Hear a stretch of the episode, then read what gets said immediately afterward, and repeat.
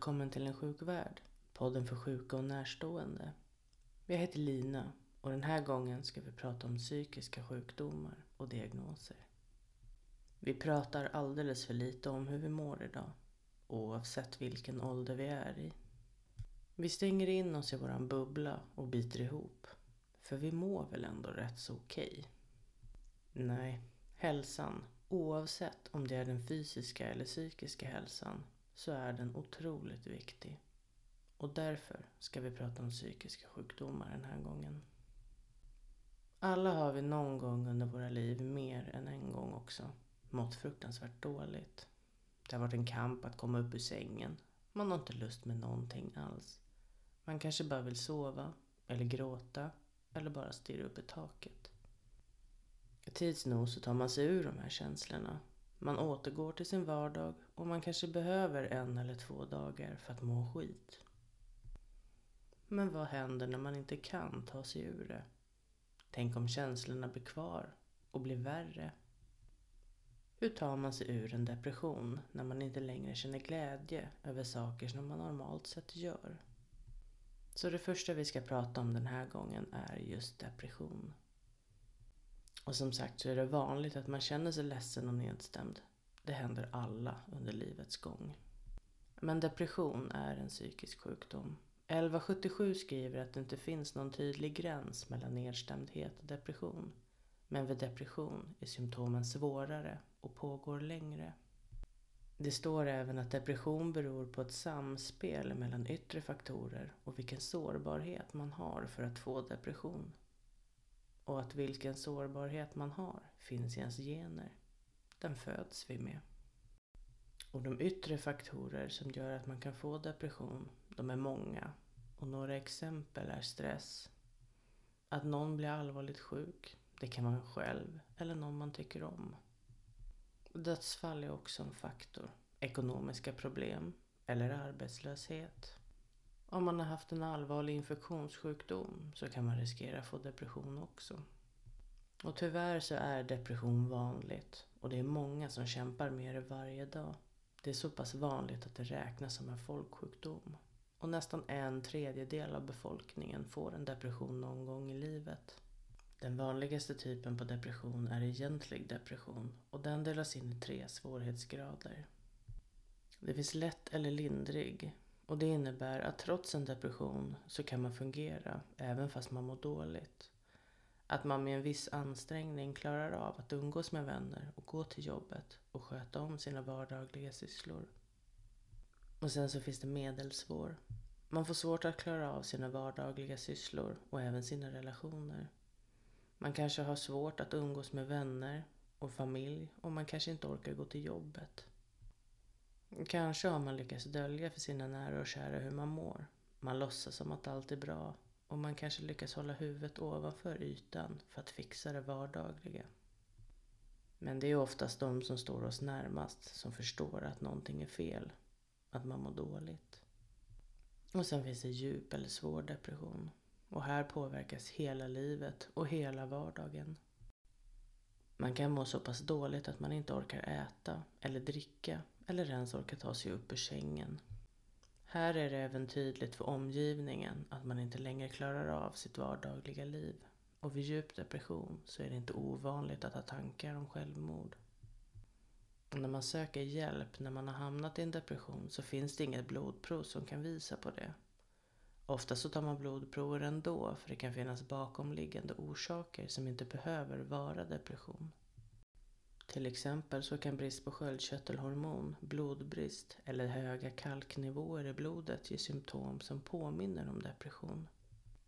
Och för att kunna behandla på rätt sätt så måste sjukvården veta om orsaken är någon annan än just depression. Ofta så får man fylla i ett formulär om hur man mår när man söker vård för depression. Och ha ett samtal. Det kan vara med en läkare, sjuksköterska, psykolog eller en socionom. Och är det inte läkare man träffar så kan man behöva träffa en ändå. Och det är för provtagning och eventuell läkemedelsbehandling. En depression kan ge flera olika symptom och det är vanligt att ha flera besvär. Bland annat så känner man sig nedstämd, trött, och man känner ingen glädje eller lust för sånt som man brukar tycka om. Vardagen kan kännas jobbig och meningslös och man har ingen ork eller lust att ta itu med saker. Och en depression kan påverka så många olika saker, bland annat självkänslan. Man kan tycka illa om sig själv och känna att man inte duger. Och det är inte ovanligt att man klandrar sig själv för saker som har gått snett och att man på grund av den låga självkänslan känner att det är ens eget fel att man har hamnat i en depression. Och av den anledningen kan det dröja innan man söker vård. Man kan ha svårt att koncentrera sig och vara ofokuserad. Man kan få ångest och bli irriterad och arg lätt för småsaker. Men det kan även finnas kroppsliga besvär. Man kan få ont i magen och få huvudvärk. Axlar, nacke och ryggen kan även de verka. Och matlusten kan bli påverkad åt båda hållen.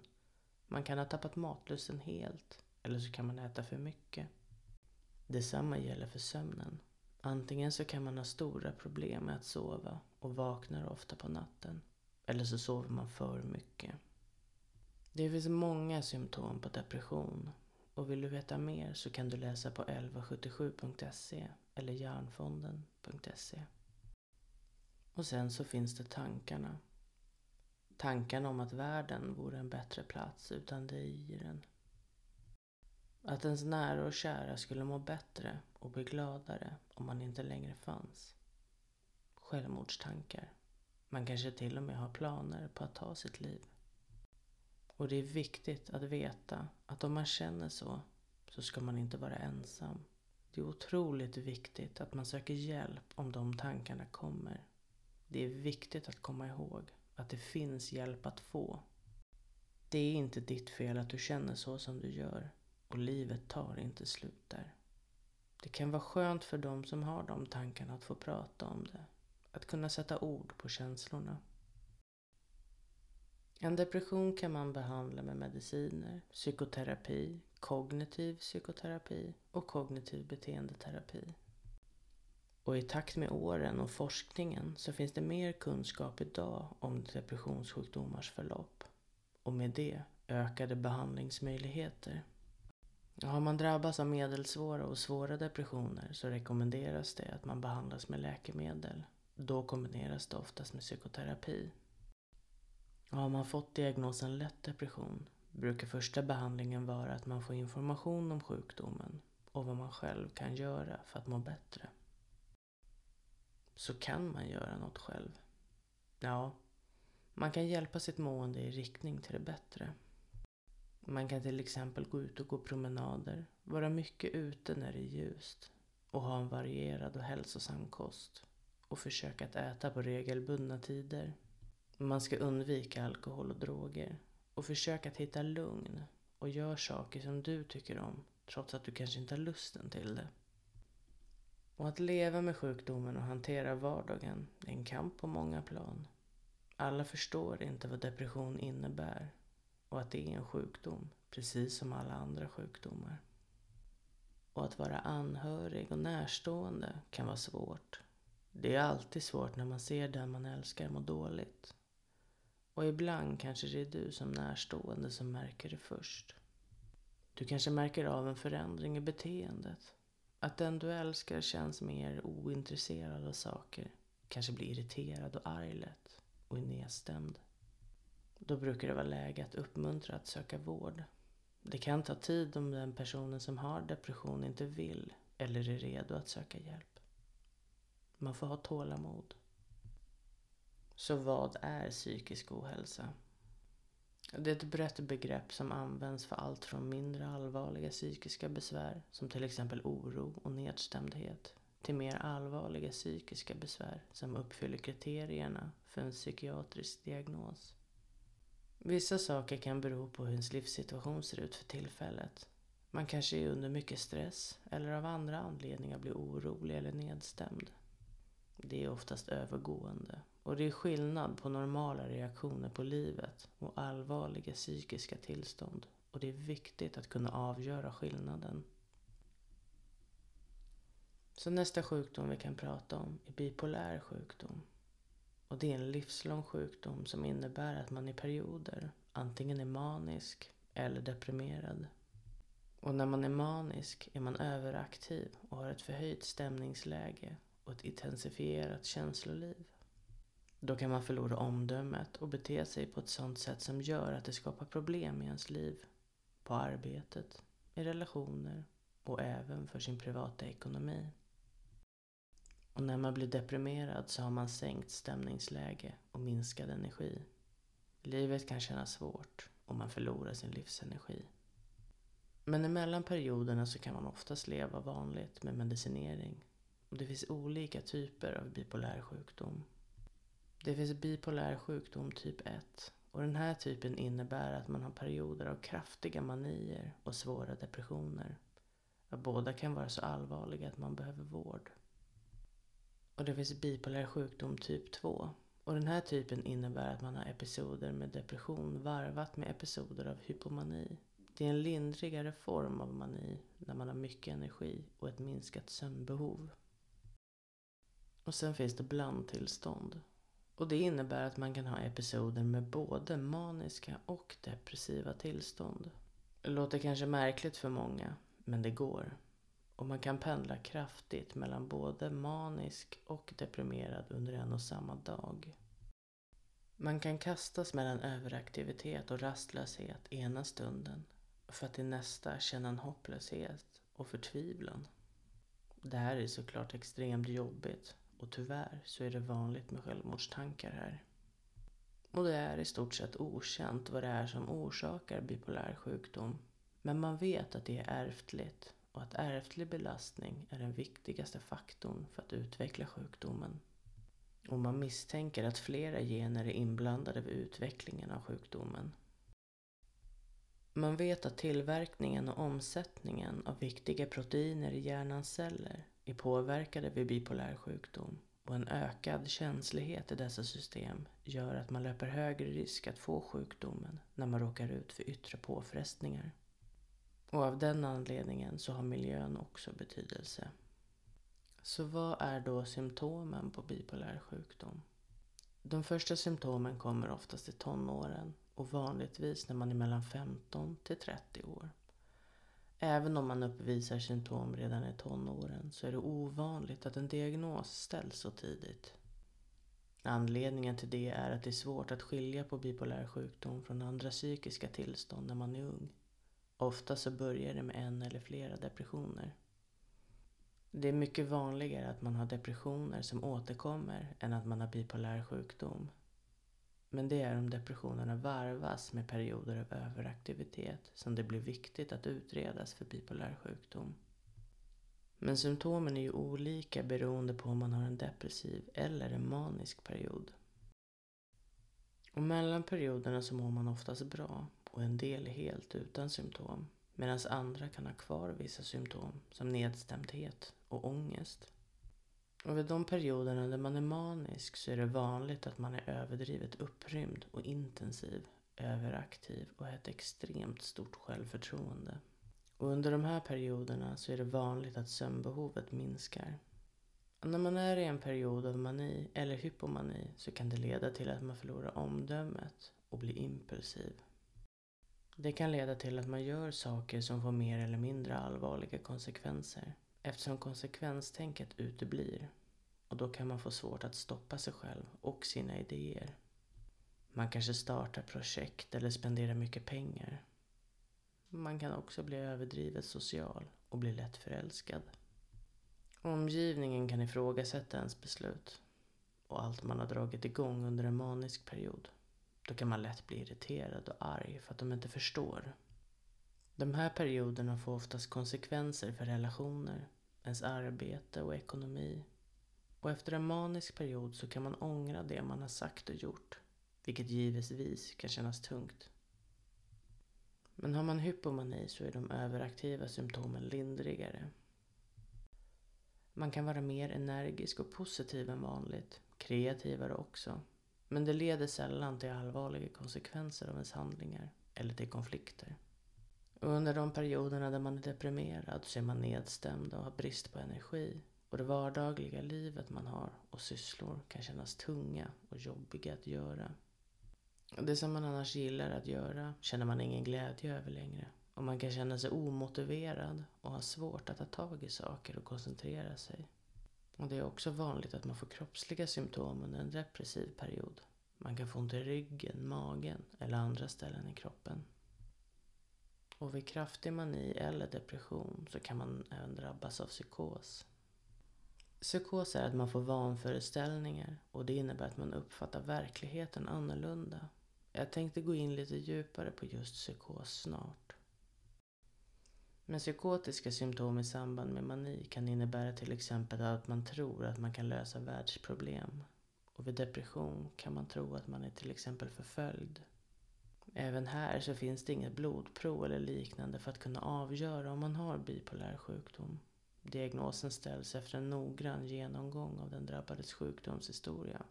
Alltså en noggrann anamnes. Och här använder man olika skattningsskalor till hjälp. Och det är ju väldigt viktigt att man får rätt diagnos och att man får den så tidigt som möjligt för att kunna få rätt behandling. För utan behandling så kan man bli mycket sjuk. Får man inte hjälp tidigt och rätt behandling så kan sjukdomen annars medföra stora sociala och medicinska påfrestningar. Men med hjälp av mediciner och psykoterapi så kan humörsvängningar minska och man kan slippa återfall. Och någonting som är en viktig del i den här sjukdomen är så kallad patient och närståendeutbildning. Och det innebär en utbildning om hur den här sjukdomen yttrar sig, hur medicinerna fungerar och vad man själv kan göra för att minska risken för episoder.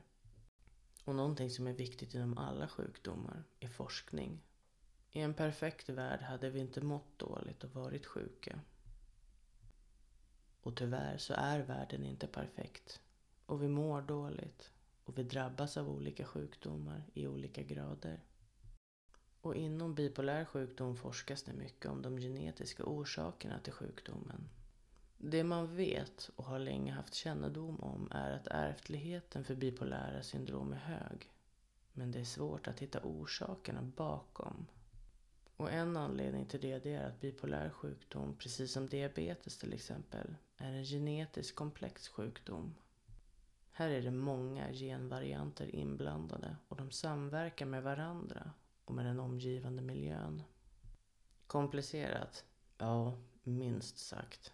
Ännu mer kruxigt är att det inte är samma genvarianter som är viktiga för alla drabbade.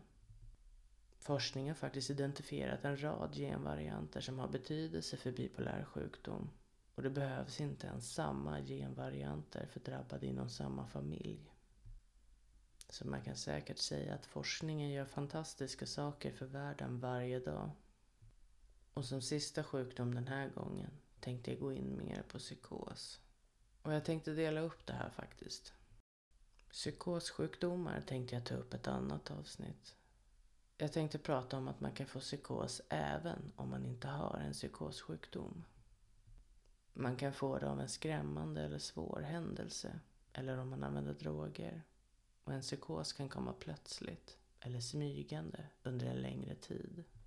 Den kan pågå i några få veckor eller i flera år. Den kan även komma en enstaka gång, men också komma tillbaka flera gånger. När man är i en pågående eller akut psykos så är man oftast mycket upptagen av ens egna tankar och upplevelser. Och de kan vara mycket intensiva. Och symptom på en psykos är vanföreställningar. Och när man har det så uppfattar man ens tillvaro annorlunda eller förändrad. Och när man berättar om det man upplever för andra så har de svårt att tro en. Ett exempel är att man känner sig förföljd men ingen annan känner så. Man kan känna sig övervakad och det kallas för paranoia. Man kan tro att man har övernaturliga krafter, uppleva att saker i omgivningen skickar signaler eller budskap som är riktade till en själv. Det finns mycket man kan uppleva och upplevelserna kan vara väldigt starka och kännas verkliga. Och sen så finns det hallucinationer. Och det är sinnesintryck som man kan uppleva under en psykos. Man kan höra röster eller ljud som ingen annan hör. Man känner själv att det är verkligt. Men det stämmer inte in med verkligheten och ingen annan hör det heller. Man kanske känner igen rösterna. Men de kan också vara helt främmande. Och det kan kännas som om rösterna kommer inifrån huvudet. men också utifrån. Rösterna kan kanske kommentera det man gör och andra saker. Och oftast så är det på ett otrevligt sätt. Det kan kännas svårt att stå emot rösterna och ibland kan de uppmana en till att göra saker. Kanske farliga eller riskfyllda saker. Hallucinationer påverkar inte bara det man hör utan även det man ser. Det är mindre vanligt men det händer att man ser saker som andra inte ser. Men man kan också känna dofter eller uppleva att det händer obehagliga saker i kroppen som man inte kan förklara. Det finns även ett symptom som heter tankestörningar och det innebär att man har svårt att tänka färdigt en tanke och även att tänka sammanhängande tankar. Typ som att nya tankar kommer in och stör och avbryter innan man ens har hunnit tänka klart. Man kan även uppleva att ens tankar sänds ut till andra eller att andra människor vet vad man tänker. Det här kan påverka ens sätt att skriva, prata och läsa. Man kanske slutar att prata mitt i en mening eller börjar prata om någonting helt annat. Det man upplever under en psykos kan göra att man får stark ångest. Man kan få svårt att komma till ro och sova både före, under och efter en psykos. Ja, en sjuk värld är kanske inte den muntraste av poddar. Å andra sidan är sjukdomar inte så muntert. Men det är viktigt att vi pratar om det. Att kunna sprida lite kunskap och förståelse tror jag att man kommer långt på. Jag vet att många där ute har haft otroligt många motgångar i vården. Rickard är en av dem. Som jag har berättat tidigare har vi stött på en beskärd del av, ja, vad ska man säga, exemplar och det är för många som inte blir tagna på allvar. Och det är för många som inte förstår sig på sjukdomar överhuvudtaget. Det är okej att inte förstå. Men jag hade önskat att de som vi har mött som inte gör det skulle kunna ta sig tiden att fråga istället för att anta. Så muntert? Nej. Viktigt och kanske lite intressant. Med risk för att låta partisk? Ja. Och som jag har sagt i tidigare avsnitt. Det är lätt att man känner sig ensam i allt det här. Både ni som är sjuka, men också vi som anhöriga. Och om den här omuntra men informativa podden kan få någon att känna sig mindre ensam med vetskapen om att vi är många som kämpar på. Ja, då trugar jag mer än gärna på ett litet tag till. Så, en sjuk värld handlar om sjukdomar och livet kring det. Alla sorters sjukdomar. En podd för allvar helt enkelt. Som är baserad på fakta och logik. Bakterier och cellförändringar, det är någonting som vi kan se. Vi kan se vårt skelett med hjälp av röntgen och vi kan laga mycket med hjälp av operationer. Som sagt, fakta och logik. Men för er där ute som tror på mer här i världen, även om vi inte kan se det i mikroskop eller ta på det, för er som tror, lyssna gärna på vår andra podd, Oknytt och andra väsen. Vågar du överge fakta och logiken för att en liten stund kasta dig ut i det okända? Med det sagt, hur ser eran vardag ut? Oavsett vilken sjukdom du eller någon i din närhet har. Hur gör ni för att få det att fungera? Och hur var er resa på väg mot en diagnos? Mejla gärna in och berätta så tar jag upp det här i podden på ensjukvard.gmail.com Nästa gång tänkte jag prata om hur det är att vara anhörig och känslor kring det. Och sen tänkte jag prata lite om ovanliga sjukdomar. Så tills nästa gång, ta hand om er.